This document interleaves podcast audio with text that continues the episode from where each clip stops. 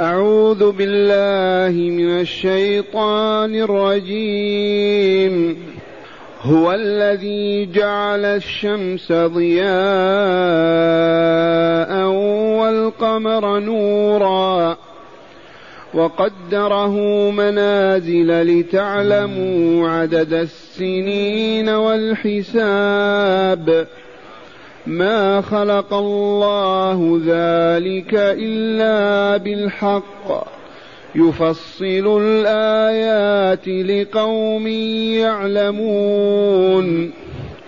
ان في اختلاف الليل والنهار وما خلق الله وما خلق الله في السماوات والارض لايات لقوم يتقون معاشر المستمعين والمستمعات من المؤمنين والمؤمنات.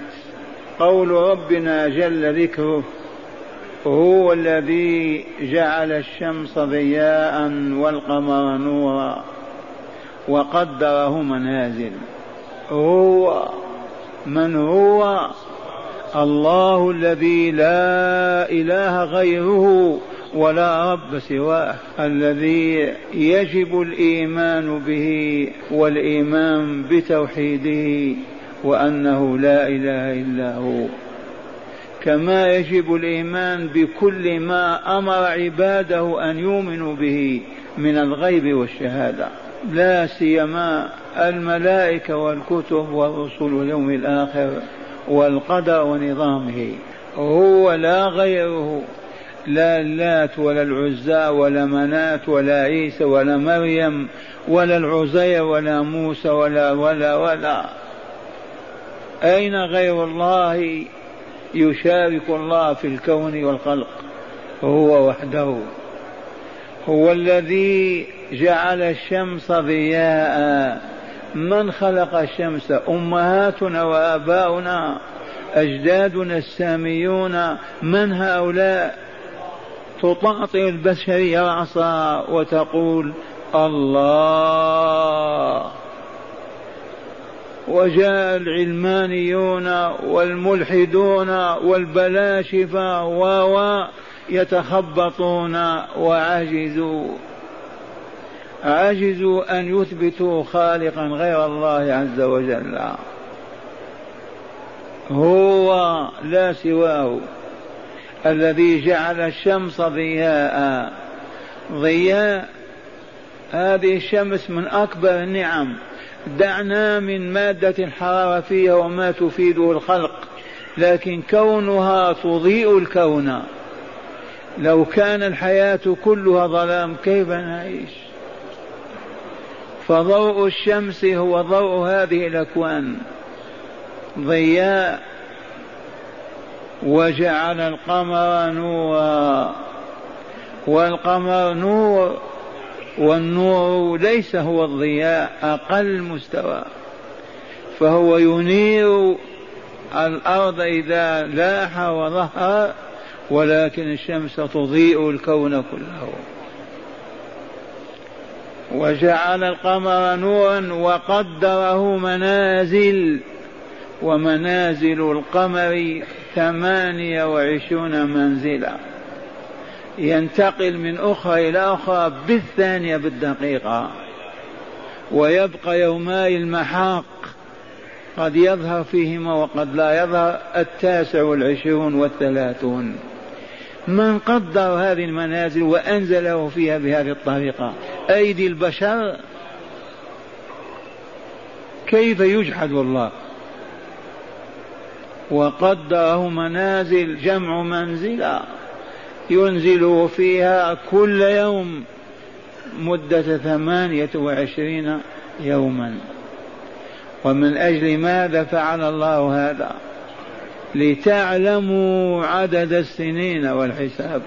لنعرف السنين كم سنة في عمرك يا هذا؟ كم عشت؟ كم استأجرت هذا المنزل؟ كم سنة؟ لولا القمر نعرف السنة نعرف الزمان كيف هو؟ دائما هو لون واحد تطلع الشمس وتغيب. لكن القمر قدره منازل لعلة لحكمة من أعظم الحكم لتعلموا عدد السنين والحساب. والحساب ما هو؟ تأجير استئجار بيع شراء. كيف نعرف الحساب لولا القمر؟ نعرف به الشهور. ثم هذه الشهور القمرية شهور العبادة والطاعة وفزنا بها وفقدها الملاحدة والعلمانيون. فها نحن نصوم رمضان في الصيف ونصوم في الشتاء وفي الربيع والخريف لأنه يدور بدوران العام. الحج نحج في الشتاء ونحج في الصيف وهكذا نعمة الله عز وجل تتجلى في منازل القمر.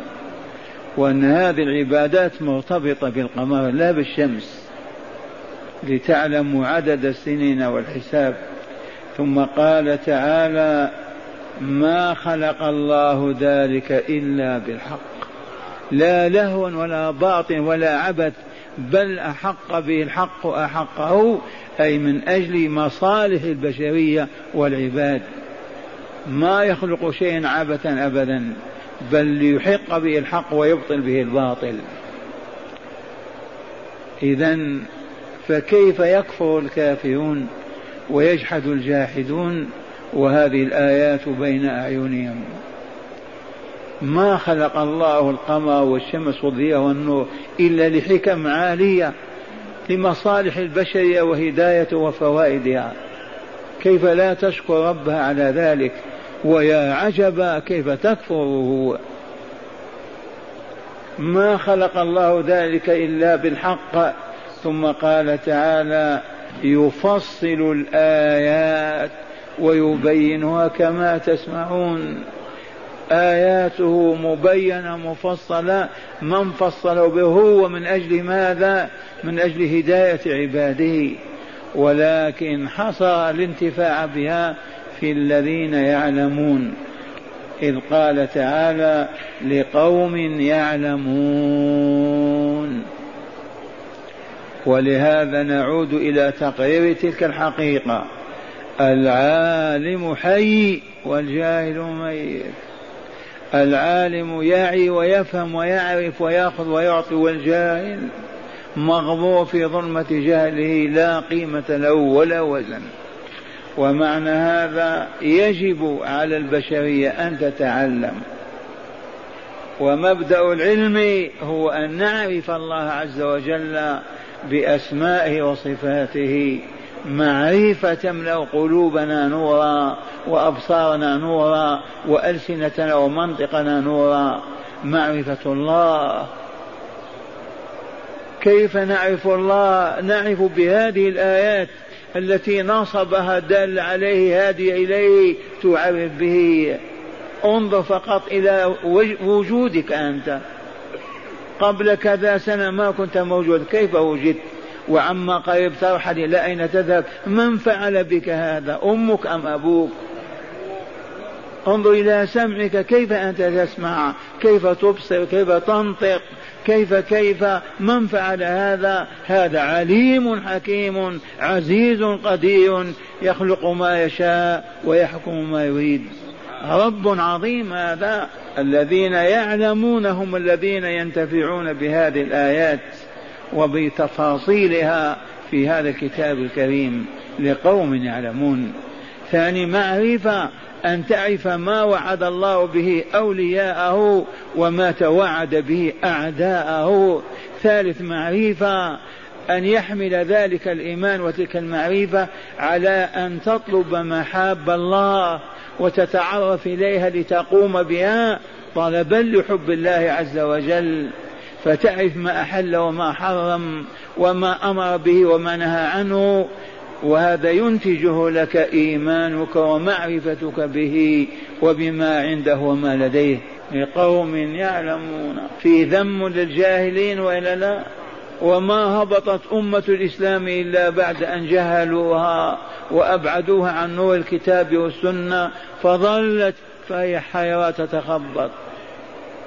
ومع هذا ما عرفنا بعد. والله لا نجاة من المحن لا نجاة من الفتن لا نجاة من البلاء والشقاء في الدنيا قبل الآخرة إلا بالعودة والرجوع الصادق إلى الكتاب والسنة حتى يبقى كل مؤمن ومؤمنة على علم بربه ومحابه ومكاره. ما زلنا غافلين معرضين. ثم قال تعالى إن في اختلاف الليل والنهار مختلفان وإلا لا هذا ليل وسيجيء نهار واختلافهما يجيء الأول ويأتي الثاني اختلافهما هذا طويل وهذا قصير. يدخل الليل في النهار ويدخل النهار في الليل. الآن اليوم أطول من الليل جزء من النهار من الليل دخل في النهار. يولج الليل في النهار ويولج النهار في الليل. من يقوى على اختلاف الليل والنهار؟ تستطيع الأصنام تستطيع العقول والفهوم والأفكار والطيش والحمق والضلال أن يولج الليل في النهار أو يولج النهار في الليل أو يوقف إدخال هذا في هذا أو يترك الليل دائما والنهار دائما. من يقوى على هذا؟ لا بد من أحد يقوى على ذا. هيا نسأل عنه حتى نعرفه إنه الله رب السماوات والأرض. منزل الكتاب ومرسل الرسل والموحي بكتابه وشرعه إلى رسله. له مئة اسم إلا اسم. وهم لا يعرفون من أسماء الله شيئا. إن في اختلاف الليل والنهار وما خلق الله في السماوات والأرض هيا ننظر إلى الكواكب التي تدور في السماء وما فوق السماء من خلق لا يعرف إلا الله. ننظر فقط إلى المخلوقات في الأرض من الحيوانات على اختلافها وتنوعها من النباتات والأشجار من المياه والأحجار من الإنس والجان. هذه المخلوقات من خلقها؟ روسيا اليهود. في من يدعي. لم يبق إلا أن نقول الله.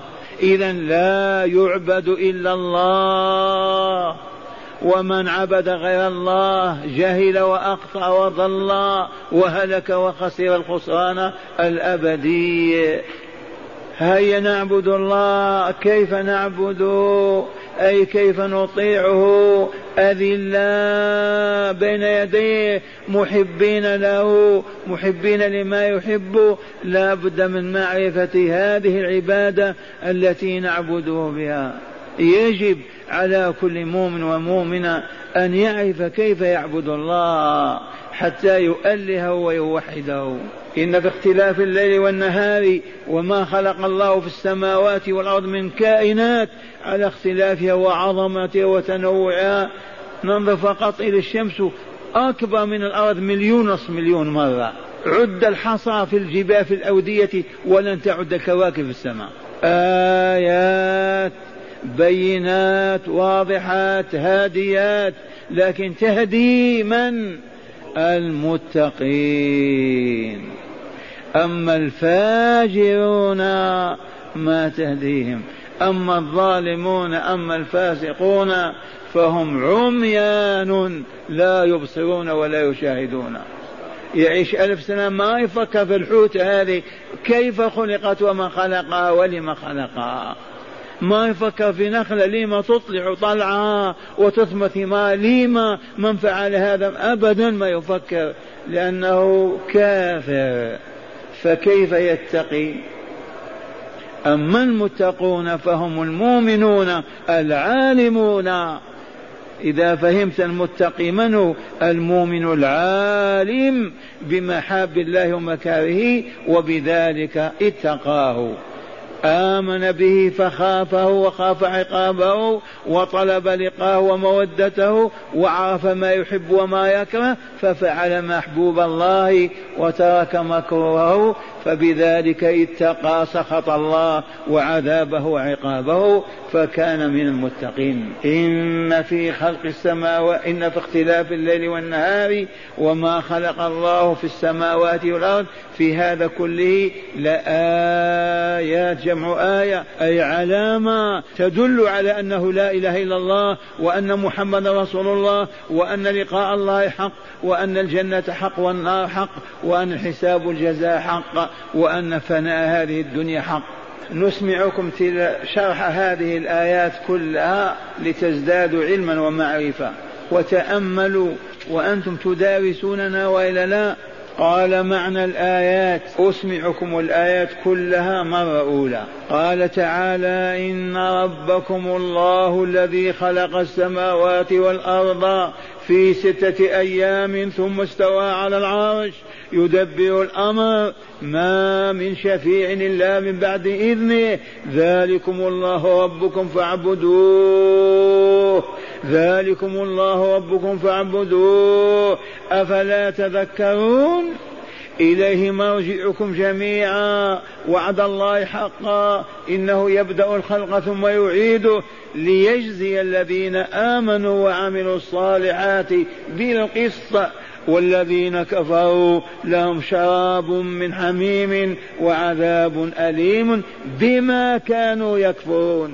هو الذي جعل الشمس ضياء والقمر نورا وقدره منازل لتعلموا عدد السنين والحساب. ما خلق الله ذلك إلا بالحق. يفصل الآيات لقوم يعلمون. إن في اختلاف الليل والنهار وما خلق الله في السماوات والأرض لآيات لقوم يتقون. قال معنى الآيات هذه الآيات في تقرير ماذا؟ الألوهية. ألوهية الله بعد تقرير الوحي وإثباته في الآيتين السابقتين من أول السورة. فقوله تعالى إن ربكم الله الذي خلق السماوات والأرض في ستة أيام ثم استوى على العرش يدبر الأمر. هذا إخبار منه تعالى.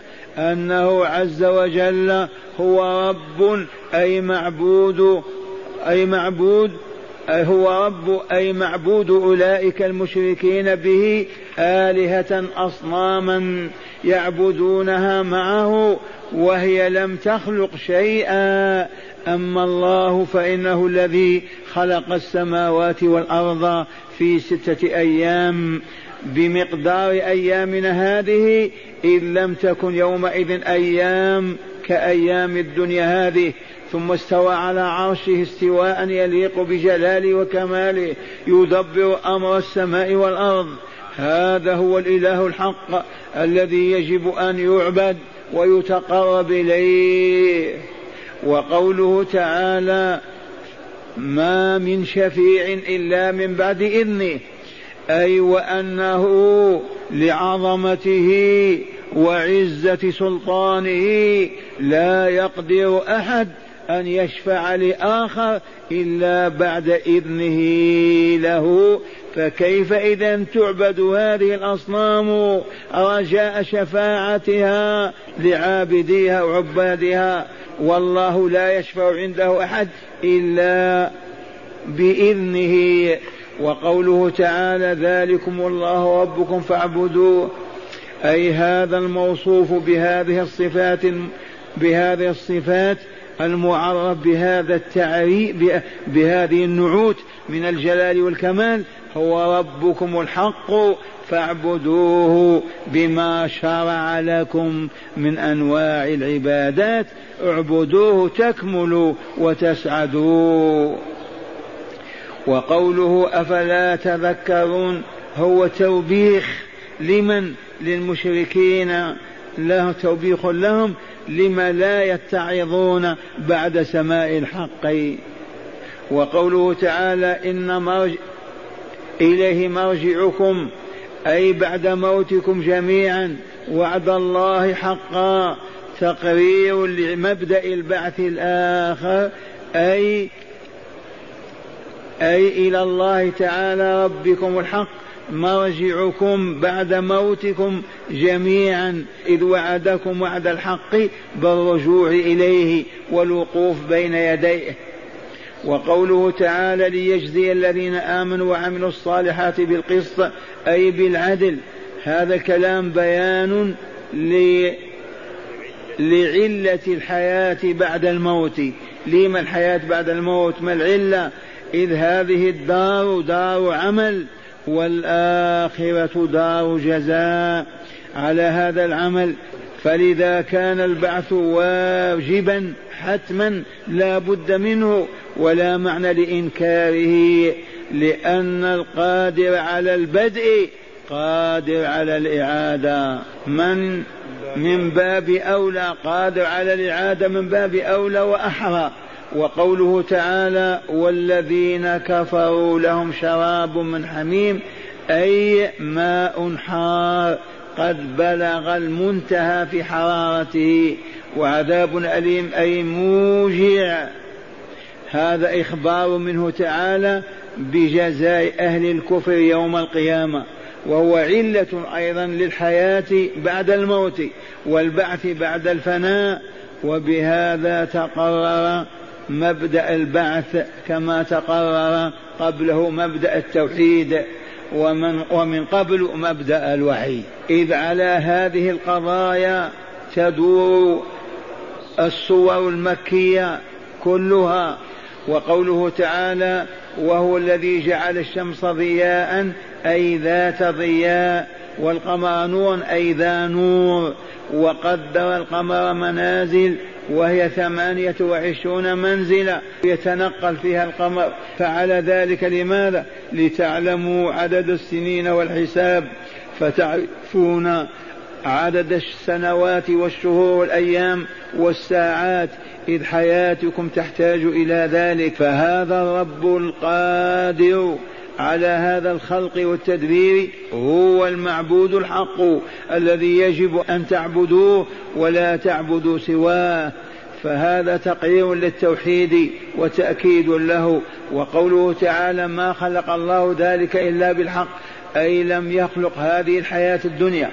وهذه العوالم فيها لم يخلقها عبثا فتفنى وتبلى بعد حين. ولا شيء وزاء ولا شيء وراء ذلك. بل ما خلق ذلك إلا بالحق أي من أجل أن يأمر وينهى ثم يجزي المطيع بطاعته والعاصي بعصيانه. وفي هذا تأكيد لقضية البعث والجزاء أيضا.